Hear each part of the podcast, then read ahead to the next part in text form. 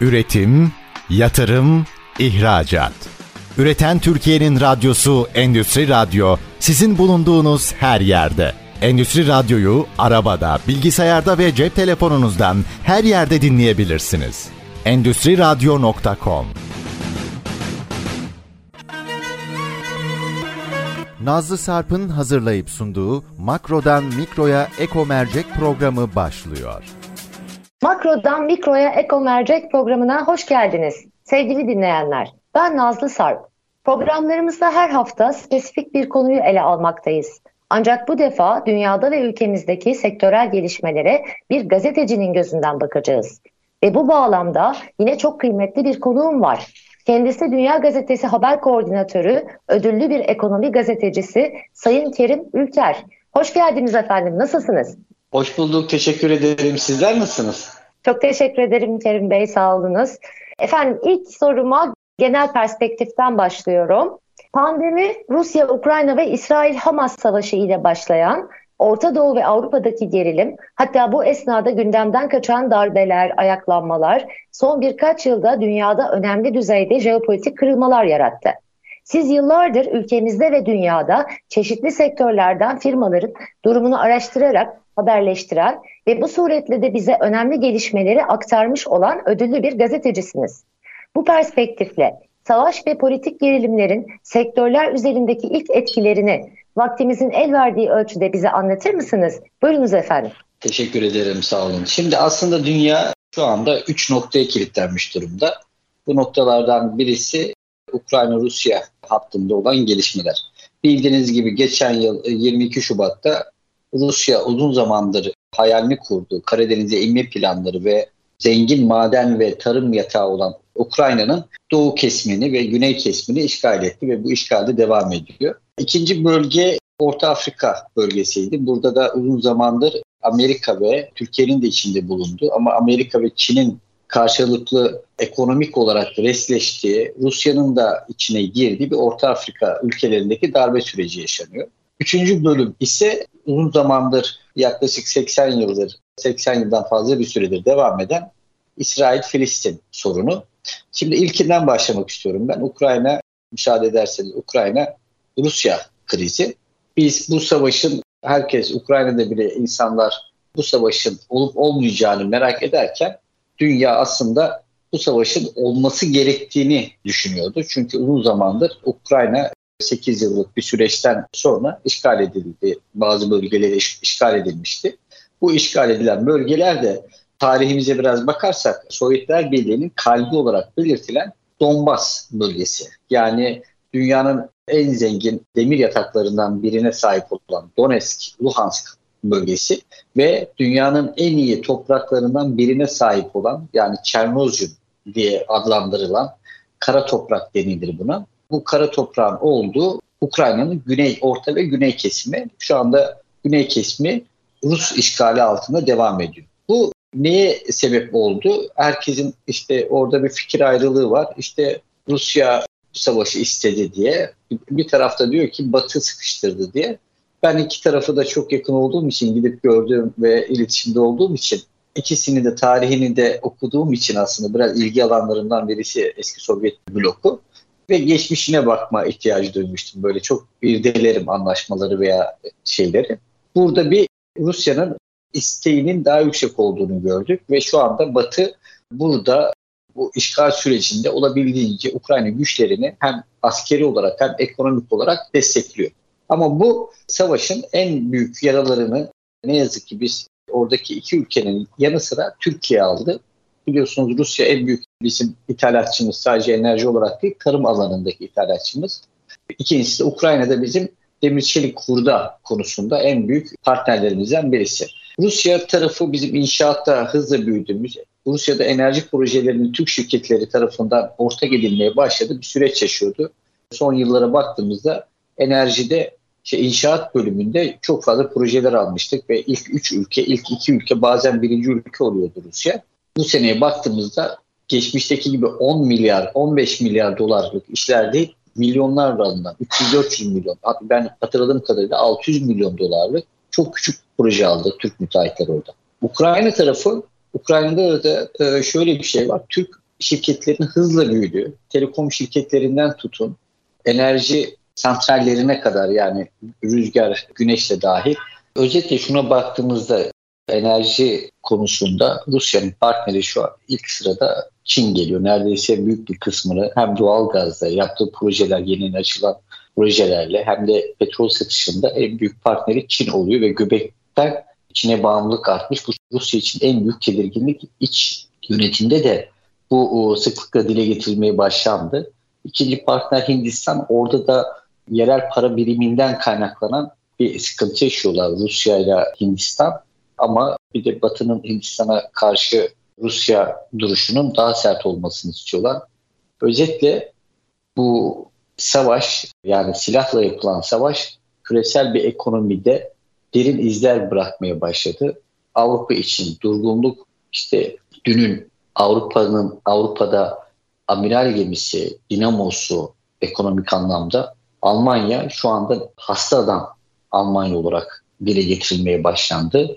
Enflasyon oranlarındaki artış, ekonomideki durgunluk Almanya'da başlarsa zaten diğer ülkeleri de yönelecek. Rusya açısından zaten büyük bir sorun yaşamıyor. Şu anda çok fazla derinliğini hissetmiyorlar ama bir iki yıl sonra daha derin iz bırakacak bir sürece doğru gidiyorlar.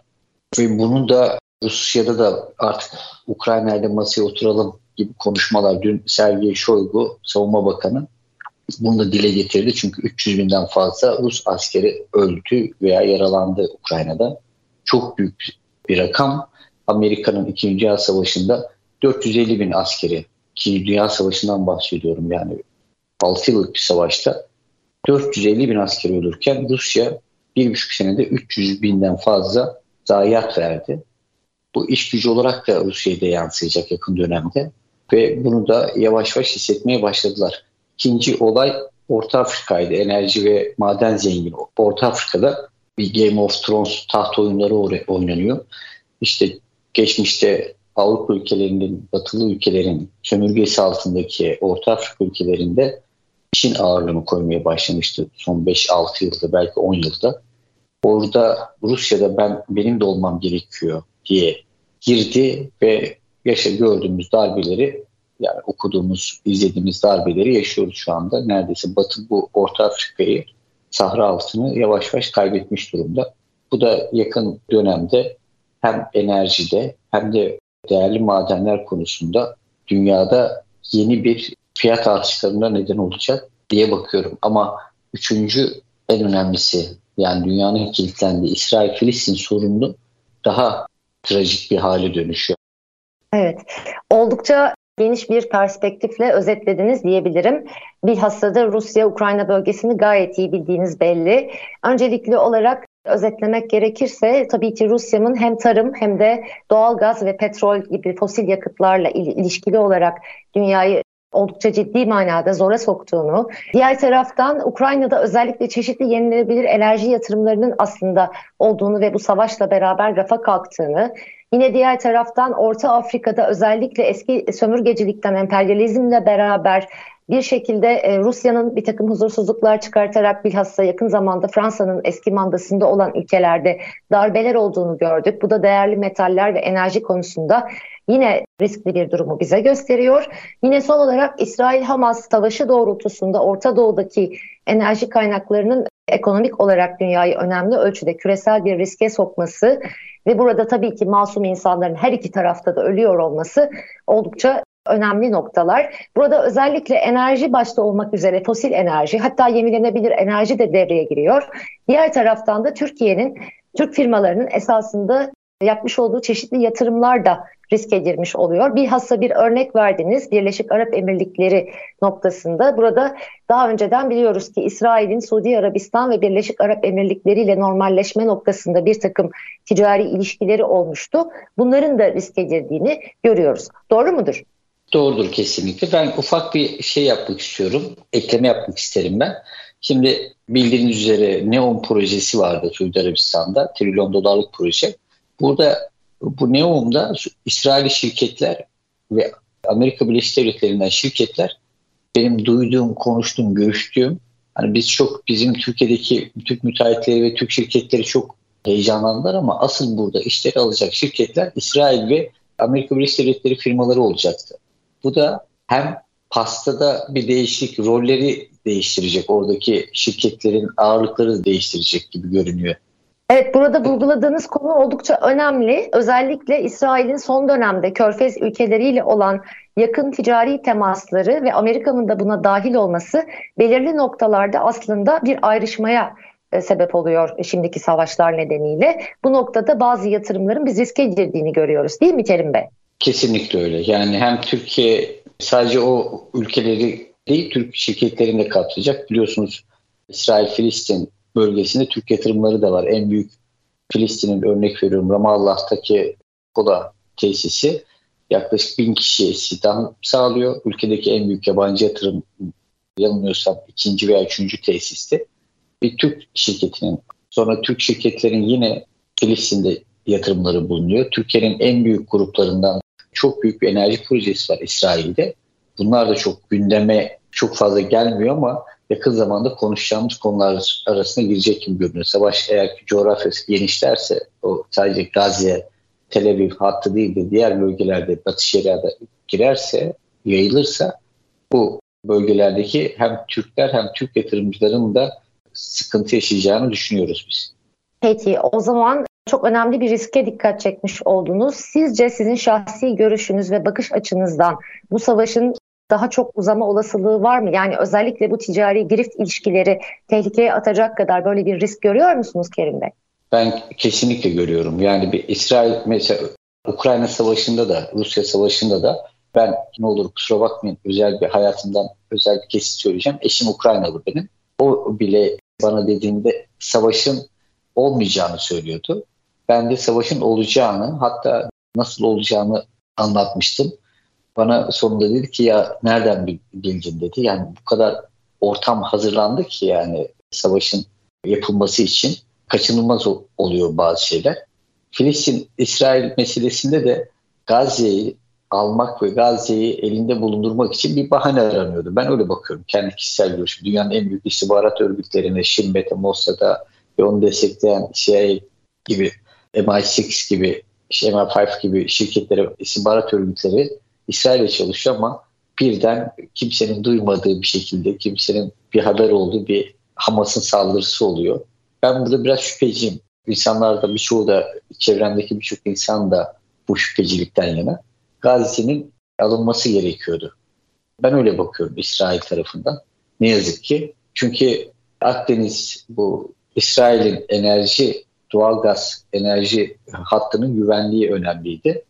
Ve o yüzden de hem de Mısır'la direkt sınırı bağ olup geçmişteki sorunlarını şey geçmişte yaşandığı gibi Mısır'la direkt İsrail'in sınır olmasını istiyordu. Yani aslında Tel Aviv'in aklında hep bu vardı. Bu Gazze'yi bir şekilde bir sebep yaratılarak belki de alınması gerekiyordu diye ben kendi şahsi görüşüm bu. Burada çok çok doğru bir tespit yaptınız. Çünkü bilhassa geçen gün okuduğum bir haber Mısır'ın özellikle doğal gaz ithalatının tehlikeye girdiğini ve bu nedenle biliyorsunuz Mısır doğal gazı ithal ediyor bu bölgeden. Bunu işleyip sıvılaştırılmış doğal gaz olarak Avrupa'ya veriyor. Dolayısıyla sırf bu sebepten bu arzdaki sıkıntıdan ötürü Avrupa'daki doğal gaz fiyatları oldukça yükseldi ve Gazze'de önemli bir doğal gaz yatağı olduğu biliniyor. Üstelik Tamar bölgesinde de İsrail'de savaş nedeniyle, güvenlik nedeniyle Chevron biliyorsunuz üretimi durdurmuştu. Şu anda doğal gaz üretiminde bu anlamda çok ciddi sıkıntı var ve tespitiniz de gerçekten çok doğru. Bunu desteklemek anlamında söyledim. Şimdi müsaadenizle bir reklam arası vermek istiyorum Kerim Bey. Sevgili dinleyenler Şimdi bir ara veriyoruz. Ardından ikinci bölümde görüşmek üzere. Üretim, yatırım, ihracat. Üreten Türkiye'nin radyosu Endüstri Radyo sizin bulunduğunuz her yerde. Endüstri Radyo'yu arabada, bilgisayarda ve cep telefonunuzdan her yerde dinleyebilirsiniz. Endüstri Radyo.com Makrodan Mikro'ya Eko Mercek programına tekrar hoş geldiniz sevgili dinleyenler. Şimdi ikinci sorumuzla devam ediyoruz. Kerim Bey, hemen her makalenizde bir firmamızın dış ve iç yatırımlarına ilişkin önemli gelişmeleri aktarıyorsunuz. Bu bağlamda Türk firmaları özellikle hangi alanlarda yurt dışında başarılı işlere imza atıyor? Bize anlatabilir misiniz? Tabii ki teşekkür ederim e, sorunuz için. Şöyle şimdi son 10 yıldan alırsak bir sektörel değişimi de ben anlatmak isterim. Şimdi hatırlayacağınız gibi Yıldız Holding'in başlattığı bir yurt dışında büyük satın alma projeleri, şirket satın alma, markalara yönelik şirket satın alma süreci başlamıştı. Burada işte Godiva üzerine United Biscuit üzerine McVitie's gibi yaklaşık 4 milyar doların üstünde bir satın alma yapmıştı Yıldız Holding. O süreç bize yeme içme sektörünün ve hızlı tüketim ürünlerinin ön planda çıkacağını gösteriyordu ki Doğuş Holding'in, e, Doğuş Holding'in aldığı restoran zincirleri ve diğer turizmi destekleyen yatırımları o alanda Türk şirketlerinin yurt dışında hızlı büyüyeceğini gösterdi bize. Ancak zamanla bu yeme içme alanlarının yerini daha çok sanayi şirketleri almaya başladı. Baktığımızda Amerika bu alanda öne çıkan ülke oldu. Avrupa'da çok fazla Türk yatırımı, özellikle batı tarafında Türk yatırımı yoktur. Ama Borusan Holding'in Amerika'da başlattığı o benim için mihmandar bir yatırımdı o. Demir çelik yatırımı Mannesman'la birlikte demir çelik yatırımı Houston'da yapması yaklaşık yarım milyar dolardı. Türkler için Amerika ikinci kez keşfetme durumu başlattı. O süreçle birlikte de son birkaç yılda Amerika Türk şirketleri için gayrimenkulden tutun son bir yatak sanayisine kadar, mobilya sektörünün yatak sanayisine kadar, tersanecilik, sonra eğitim. Bizim en çok yatırım yaptığımız ülkelerden birisi Amerika oldu yurt dışında. Son birkaç ayda da dikkatimi çeken bir şekilde yine Amerika ön planda. Bu da çok enteresan bir şey. Türkler Amerika'da üreten durumdalar. İşte enerji sonrasında yine önceki gün bir yine bir enerji alanında bir yatırım görmüştüm ben. Daha henüz haberini yazamadım o yüzden paylaşmayayım. Müthiş bir enerji yatırım süreci başlattı işte şirketi Türkiye'de ki firma gitti o da yaklaşık bir 300-400 milyon doların üzerinde Amerika'da e, yenilenebilir enerji üzerine yatırım kararı almıştı. Proje hala devam ediyor. Türkler Amerika'da enerji işine odaklanmış durumda. Var bazı yine ağır sanayide yatırımları var ama enerji için Amerika şu anda bizim önceliğimiz. Avrupa'da Avrupa'nın doğu kesimi işte biraz İtalya var. Türk şirketlerinin yine yatırım vardı demir çelik alanında o bölgelerde. Demir çelikte Romanya ve İtalya aksı Sırbistan, Karadağ gibi ülkeler Türkler için en önemli alanlardan biriydi. Coğrafyada yatırımları var Türk şirketlerinin. Ve bunları da artırıyorlar bu arada ya da kapasitelerini büyütüyorlar. Yine Orta Avrupa bizim özellikle tekstilde Sırbistan'da çok fazla istihdam yaratıyor Türk şirketleri. Orada jin dediğimiz tekstilin jin ayağından tutun işte perde üretimidir. Yine yine Sırbistan'da 10 bin çalışana İslam sağlayan firmaların yatırımı gündeme geldi. Türkler Orta Avrupa'da ve Doğu Avrupa'da ne yapıyor başka? Bir beyaz eşya markalaşma süreci var. Bu müthiş bir adımdır aslında Türkiye için. Zira şirketlerin liderlik ettiği yatırımlar KOBİ düzeyi de dahil diğerlerine de örnek oluyor, cesaret veriyor. Son bir senede İtalya'da, İngiltere'de ağ bulunan dünya ünlü markaları bünyesine katması bu alanda Türk şirketlerin yan sanayisi için bu bölgelerde yatırım yapma fırsatı doğurdu. Yine ben bölge bölge doğuya doğru kayıyorum. İnşaat sektörünü bunun dışında tutuyorum bu arada. Ama Doğu Avrupa'da inşaat sektörünün Romanya, Slovenya, Bulgaristan, sonra Sırbistan, Bosna Hersek hattında Türk şirketlerinin son birkaç yılda en fazla iş aldığı bölge Doğu Avrupa ülkeleri. Hatta geçtiğimiz aylarda Ekonomi Bakanımız da bu konuyla ilgili Romanya'yı gündeme taşıyan açıklamalarda bulunmuştu. Çok büyük proje alıyorlar Türk şirketleri. Altyapı alanında özellikle yol ve altyapıda müthiş işler beceriyorlar. Bu Kuzey Afrika'daki Arap Baharı ile başlayan Libya, Cezayir, Mısır'da yansıyan Arap Baharı bizde müteahhitlik alanını çok zayıflatmıştı. Bir de bunu Rusya-Ukrayna eklediğinizde Türk şirketlerinin kayacağı yer biraz Doğu Avrupa oldu ve bize nefes aldırdı bu alanda. Yine yanımıza geldiğimizde Irak çok sessiz, İran'da zaten iş alamıyoruz ama Azerbaycan Karabağ Savaşı'nın ardından e, Karabağ'daki Azerbaycan-Ermenistan e, Savaşı'nın ardından Azerbaycan Karabağ'da bir modernizasyon, yeniden yapılanma sürecini başlattı. Orada Türk şirketleri de çok güçlü işler almaya başladı. Ama benim için yıldızı parlayan coğrafya Orta Asya ülkeleri oldu. Özellikle Karabağ'ın 44 günlük savaşın ardından tekrar Azerbaycan'a dönmesiyle birlikte biz Azerbaycan'da ilk defa madencilik, ilaç sanayi gibi müteahhitlik dışı yatırımlar yapmaya başladık. İlk defa bu süreçte oldu bu. Ve bu diğer Türkiye Cumhuriyetlere bir zincir oluşturulması gerektiğini siyasi olarak hani Turan dedikleri siyasi yapının artık ekonomiye yansıması gerektiğine ağırlık verildi burada. Ve Türk şirketleri inşaat yaptıkları, sadece ve sadece inşaat yaptıkları, ne yazık ki bu coğrafyada öyleydi. Birkaç tane tekstil yatırımı dışında Türkmenistan'da, Kazakistan'da, e, Kırgızistan'da Türk yatırımı yok denecek kadar azdı. Ama baktığımızda örnek vereceğim yine Holding'in işte madencilik yaptığı, Holding'in madencilik ve sülfür yatırımlarının bu tesislerden bahsediyorum ben. İşte son olarak Özbekistan'da yaklaşık 600 milyon dolarlık tarım yatırım yapacak. Açıkladılar bunu da Dünya Gazetesi'nde yazmıştım ben. Çeşitlilik arttı ve bize Türk yatırımcısına nefes altıran coğrafya oldu. Orta Doğu'ya geldiğimizde Mena'da da bizim geçmişte Arap Baharı'ndan ardından bildiğiniz üzere Mısır ve Türkiye arasında önemli bir sıkıntı yaşanmıştı. Ve bu atılan köprüler tekrar kurulmaya başlandı. Siyasi köprülere ek olarak da bu bildiğiniz üzere siyasi köprüleri ayakları ekonomiyle oluyor.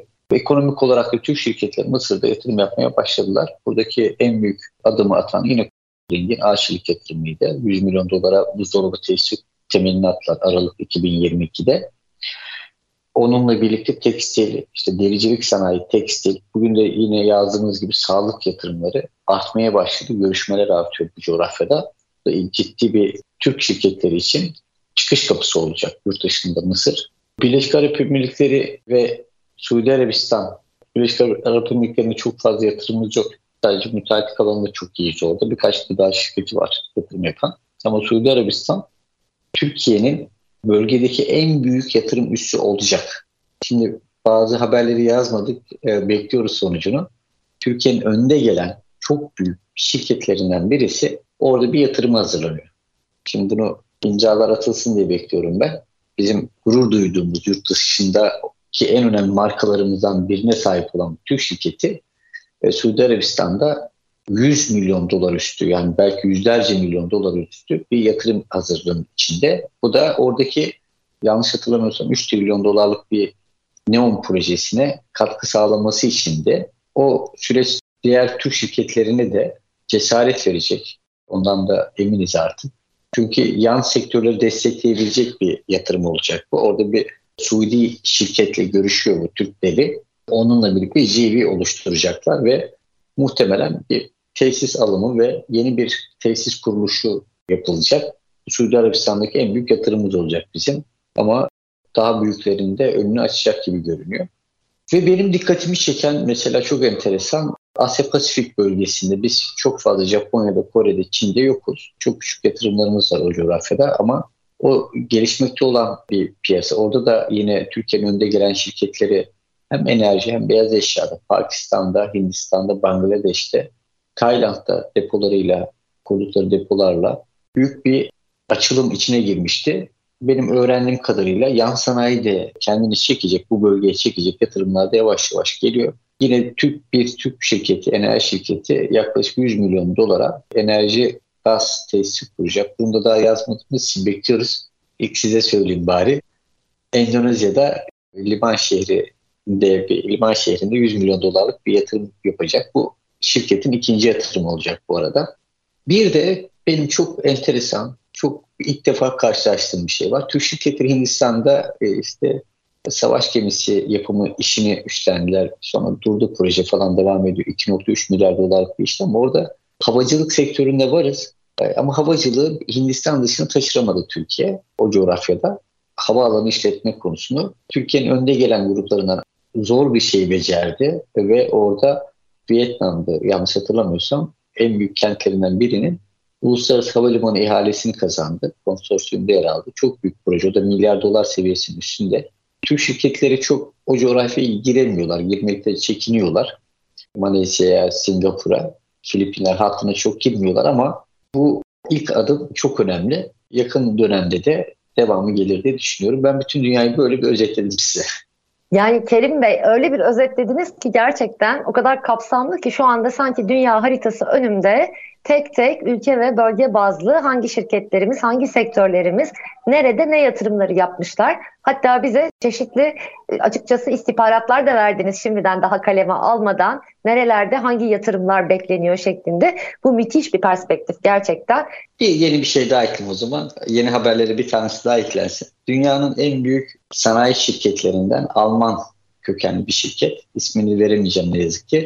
Çok büyük. Hem beyaz eşyada da var, diğerlerinde de var otomotiv sektöründe de var. Bu şirket Rusya'daki operasyonlarını satıyor. Görüşmeler devam ediyor. Türkiye'de önemli bir Türk şirketi bu operasyonları satın alacak. Daha önce bazı varlıkları Rusya'dan çıkan batılı şirketlerin ambargoya ve yaptırımlara katılan şirketlerin varlıklarını Türkler almıştı. Ayakkabı sektöründe, giyim sektöründe ama buna yenisi de eklenecek. Bu da çok konuşulacak bir satın alma olacak.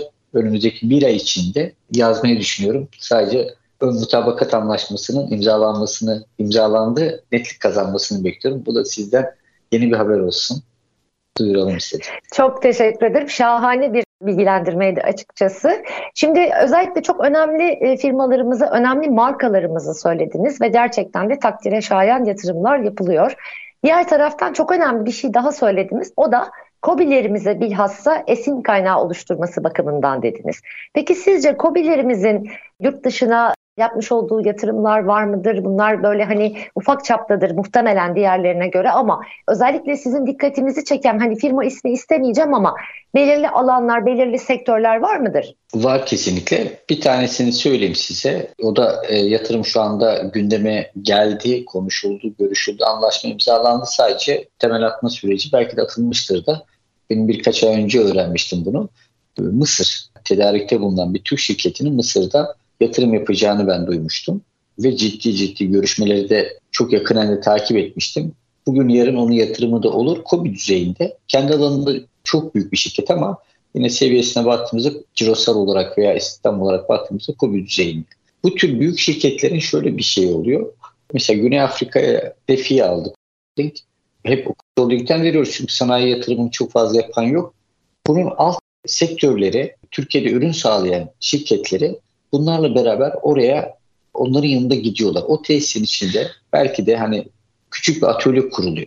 Atölyeyle başlıyor bu işler. Çünkü ham madde şeyi yan ürün tedarikini Türkiye'den karşılamak yerine o büyük fabrikalarda küçük bir bölüm onlara ayrılarak gidiliyor. Bu da ilk defa yurt dışına çıkacak Türk şirketlerine cesaret veriyor. Yani ben bunu yapabiliyorsam şunu da yapabilirim de. Çünkü yurt dışına turizm gezisinin dışında çıkan kobilerimiz var bizim ki ihracat yapan yanlış hatırlamıyorsam ihracatta kobinin payı %20-%30 seviyesinde. Yani belki yanılıyorumdur ama çok düşük bir seviyede. Bir de ortaklıklar, satın almalarda da mesela bakıyorum ben Alman şirket geliyor Türkiye'de bir firma alıyor. Onu kendi coğrafyasına götürüyor aslında. Ortaklıkların bir güzel tarafı da o. Hisse alımları ve ortaklıkların. Bu partnerlikler o büyük Alman veya Avusturyalı veya diğer Avrupalı şirketlerin, Amerikalı şirketlerin deneyimini veriyor. Yavaş yavaş COBİ'lerde yurt dışında güzel böyle küçük küçük yatırımlar yapıyor. Tekstilde mesela yapıyorlar. Onu ben takip ediyorum. Mısır örneği var. Mısır'da mesela bir deri fabrikası kuracaklar. Hem kolajen diyorlar galiba ona. Tesis kuracak. O da bir küçük yatırım. Bir de mobilya, küçük bir mobilya fabrikası Suudi Arabistan'da kurulacak. Onun da MOUS'u imzalandı ön mütabakat anlaşması. Yakın dönemde onu da açıklama yaparlar diye şey yapıyorum. Bunlar KOBİ düzeyinde, mikro veya KOBİ düzeyinde şirketler. Evet sizin de belirttiğiniz gibi e, COBİ'ler genellikle büyük şirketlere taşeron diye tabir ettiğimiz bir biçimde çalışan firmalar olarak yurt dışında yatırım şu anda yapıyorlar.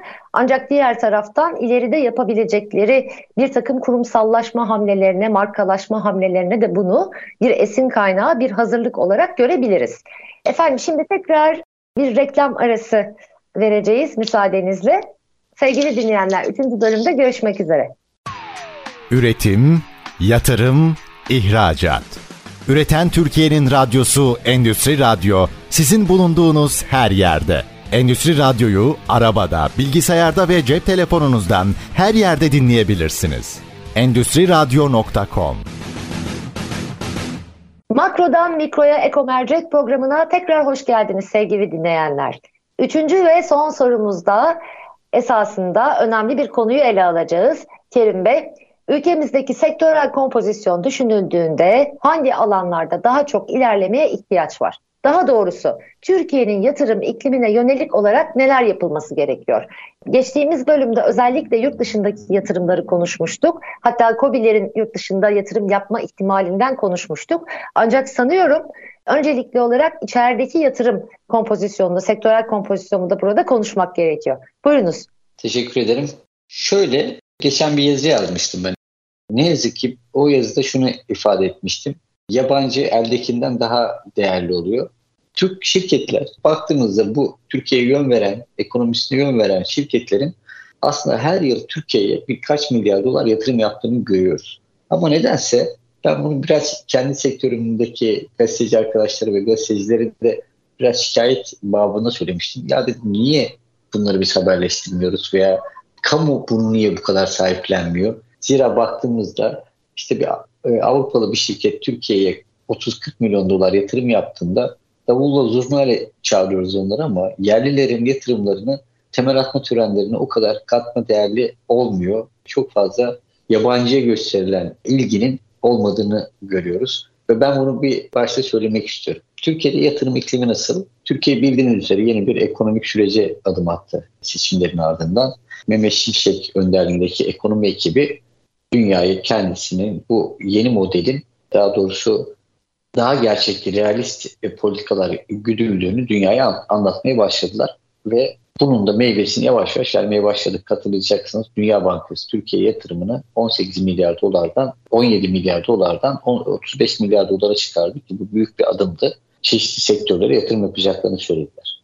Bunun dışında baktığımızda Türkiye sadece satın alınan şirketin geldi, oldu. Yani yabancı Türkiye şuna bakıyor. Ucuz şirket bulayım, ucuz şirkete ortak olayım. Zaten pariteden dolayı ve ekonomik durumlardan dolayı şirketlerin bazıları zor durumda büyüyemiyorlar. Avrupalı geliyor, örnek veriyorum Amerikalı veya özellikle Avrupa'dan çok görüyorum ben şu son 4-5 aydır. Geliyorlar Türkiye'deki küçük şirketlere veya orta düzeydeki şirketlere ortak oluyoruz.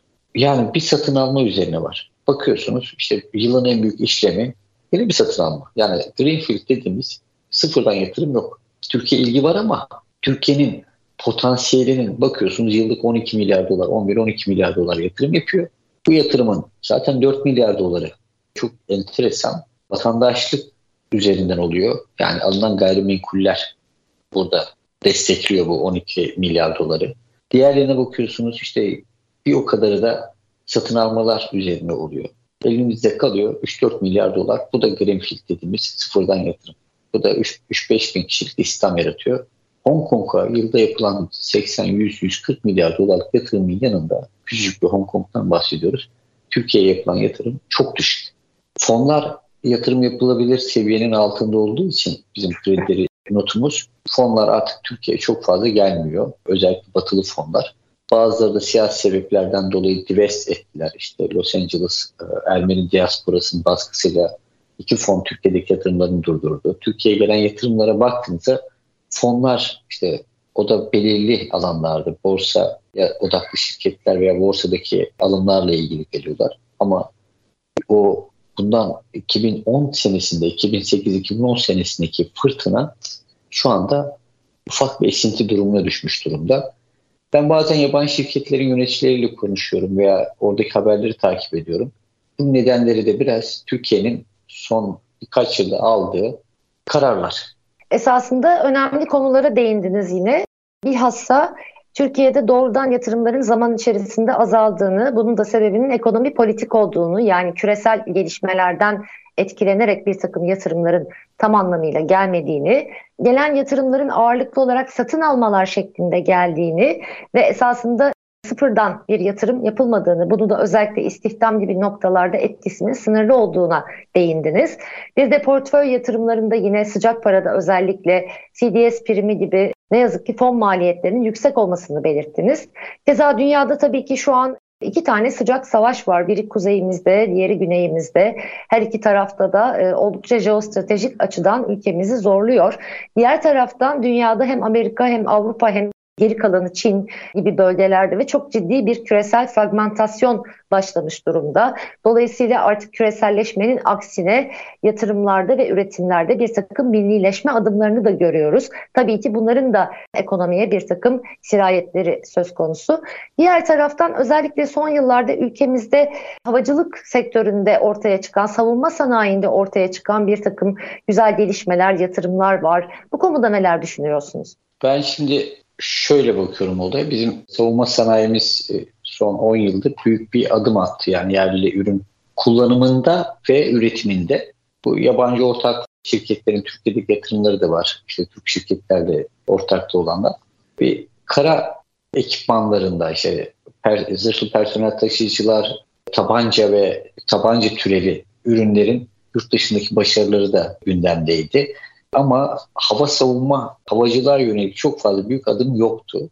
Bu e, Azerbaycan Savaşı ile birlikte, Karabağ Savaşı ile birlikte bir dünya drone savaşı yaşadı ilk defa. Ve o savaştan sonra Türkiye'nin drone endüstrisi, insansız ve silahlı e, hava araçlarında büyük bir atılma girdi Türkiye. Dünyadaki birçok üreticiden daha kaliteli ürünler üretiyorlar. İşte. Ve NATO ülkelerine satıyor. 20'den 30'dan fazla ülkeye satıyoruz bu ürünleri. Geçtiğimiz günlerde yazdım ben. Türkiye ilk defa yurt dışında TUSAŞ fabrika kuracak. Orta Asya'da, Kazakistan'da. Bu tesisle ilgili şey var. Mesela Hindistanlı bir grup Türkiye'deki drone şirketini satın almıştı. Yine bir İngiliz ortaklı bir şirket drone şirketi satın aldılar. Türk şirketine ortak oldular. Ve bunu talep eden firmalara bakıyoruz. Tayvan işte bu Türk ortaklı şirketten drone talep ediyor. İşte Hindistan keza öyle. Yani Afrika'dan tutun o Amerika şey Afrika coğrafyasında, Asya coğrafyasında ve Orta Doğu'da Türk drone satışları çok yüksek. Milyar dolar üzerinde ciro elde edilmeye başlandı burada. Drone ekipmanları yani o hava araçlarının dışında işte füze ve gemi sınıfında da işte biraz önce bahsettiğim Hindistan'da mesela 6 gemilik bir ihaleyi Türk şirketi kazandı ve bu büyük bir cesaret verici bir işti bu aslında. Durmasaydı çok güzel olurdu ama şu anda yanlış hatırlamıyorsam rafa kalktı proje. 2,5 milyar dolarlık savaş gemisi yapacaktı Türkiye Hindistan'a. Ama o açık Pakistan'la kapatıyoruz biz Milgen projesiyle. Gemi zaten yapıyordu Türk ürün şirketleri ama çok fazla savaş işine girmiyordu Türk şirketleri.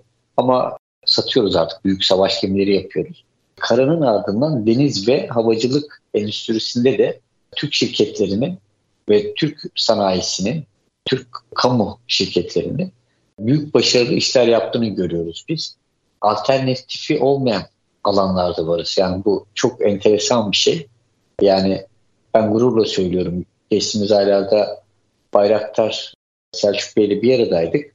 O da şunu söylemişti. Dünya Gazetesi'nde duyurmuştuk o haberi de dünyada şu anda en fazla talep edilen, en fazla bilinen, özür dilerim, en fazla bilinen İHA markası Bayraktar'mış. Yani Ukrayna'da şarkılar yapılıyor. Çocukların isimlerinin Bayraktar ismi veriliyor. Çok enteresan bir şey. Yani zaten Azerbaycan'da çok çok seviliyorlar ürünlerimiz bu şirketler. Dünyada da artık küreselleşme bu konuda Türkiye küreselleşen bir marka yarattı. Yaratıyor da yenileri de gelecek buna. Ve Türkiye'nin lider olduğu, savunmada lider olduğu bir pozisyona koyacak. Türkiye burada ilk üçte, ilk beşte belki de daha üstlerde bir iki olabilecek pozisyonda. Bu da cesaret verici bir şey. Hem ülkemiz adına ya biz bunu başarabiliriz. Hani başımıza icat çıkarma döneminde bırak icat çıkar dönemine girdik yani. Şahane. Gerçekten söylediğiniz o kadar güzel bir söz ki icat çıkarmadan icat çıkartma dönemine girdik ve gerçekten de gurur duyucu gelişmeler bunlar. Diğer taraftan hazır siz bunlardan söz ediyorken bir de unutmamak gerekiyor ki elektrikli arabamızı da yaptık TOG markasıyla. Yine Elon Musk'la biliyorsunuz Cumhurbaşkanımızın bir görüşmesi oldu New York'taki Türk evinde. Orada da işte Türkiye'ye Tesla yatırımı yapılıp yapılmaması konusunda bir takım görüşmeler yapıldı. Siz bu konularda neler düşünüyorsunuz? Yine Türkiye'nin bu tarz ürünlerde savunma olsun, elektrikli arabalar olsun, diğer teknolojik ürünler olsun ilerleme düzeyi sizce nasıldır? Şöyle tabii ki elektrikli yerli araç kullanımına ben her zaman üretimine de her zaman destekliyorum ve olması da gerekiyor. Ama şöyle bir şey de var. Siz bir şey ürettiğinizde vitrininiz önemli. Sizin bu aracı yer, yerli de satabilecek misiniz? Şimdi TOG'u da siz onun ağını iç piyasada ağını kurmanız gerekiyor ama dış piyasada da e, sizin dostluk ilişkilerinizle e, yürüyecek bir proje bu. Siz eğer ki Mısır'la bunu yürütürseniz diplomatik olarak güçlü olursanız Mısır'la siz oraya ürün TOG'u satabilirsiniz. Demek ki bir ilgi var. Yani sizin kötü bir tabir ama sizin kapattığınız, bitirdiğiniz, üretiminizi çektiğiniz yerde hani bir markayı başkaları devam ettirmek istiyor ki bu 100 milyonun üzerinde nüfusu olan Afrika'nın, Kuzey Afrika'nın en kalabalık şey ülkesi Mısır. Sizin eski defterinizi açıp kullanmak istiyor. Yani çok güzel bir şeydi bu. Yani ben ilgi olacağını düşünüyorum yurt dışında da. Türkiye'nin dediğim gibi yani bu kaçınılmaz bir şey. Siz diplomatik bağı ne kadar iyi tutarsanız, siyasetinizi bölgenizdeki coğrafyada nasıl bir kurarsanız, çünkü devlet destekli bir şey TOP. Özel sektör yapıyor ama devlet öncülüğünü yapıyor. O yüzden başarılı olacaktır diye düşünüyorum. Cumhurbaşkanımız zaten her önemli görüşmede işte hediye ediyor, TOP da hediye ediyor. Bu da devlet başkanları ne ediyor? O da güzel bir gelişme. Bence yapılması gereken de o ülkelerde vitrine çıkıyor bu ürünüz. Tesla konusunda ben şöyleyim. Tesla'nın Türkiye'ye kısa vadede yatırım yapacağını düşünmüyorum ben. Suudi Arabistan şu anda listede diye ben e, okumuştum. Elon Musk'ın Türkiye'ye şarj istasyonu süreci yaklaşık 10 yıllık bir süreç. Yani 10 yıl konuşuldu, Türkiye'ye geldi, Anıtkabir'i ziyaret etti, hamama gitti, terledi falan böyle. Çok konuşuldu. Ama yeni yeni yatırım yapılıyor. Yani yeni yeni istasyonlar kuruluyor ki o da diğer şirketler de var yani.